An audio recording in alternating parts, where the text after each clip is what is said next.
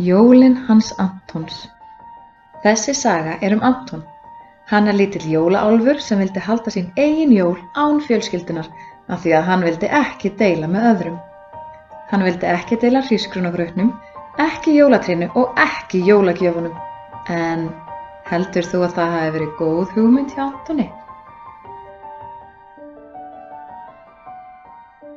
11. desember Anton er enn fylgdur yfir því að pabbi hafi ekki fundið tré handa honum til að hafa í kofanum.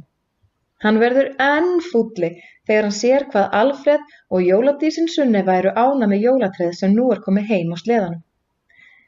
Anton dregur húfuna niður fyrir augu til að þurfi ekki að horfa alla þessa gleði.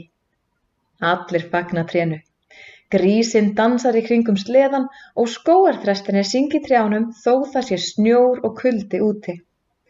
Jæja, nú skulum við koma trénu inn í stofu, segir mamma. Alfreð og pabbi fara strax að toga tréð að dyrunum og eru nærri búinir að velta Antonu um koll þar sem hann stendur, súr á svip, með húfuna niður að nefi. Hann vil samt fylgjast með hvernig gengur að koma trénu fyrir og þrammar inn á eftir þeim. Þú hefur fundið fallegasta tréð í skóginum, segir mamma við pappa.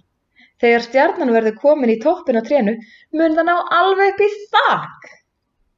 Pabbi brosir breytt og Alfreð og Sunniva dansa í kringum tréð með grísnum og töfragæsinni. Við þurfum að halda upp á það að jólatréði komið á sinn stað, segir mamma. Komum nú öll fram í eldhús og fáum okkur heitt kakó og kleinur.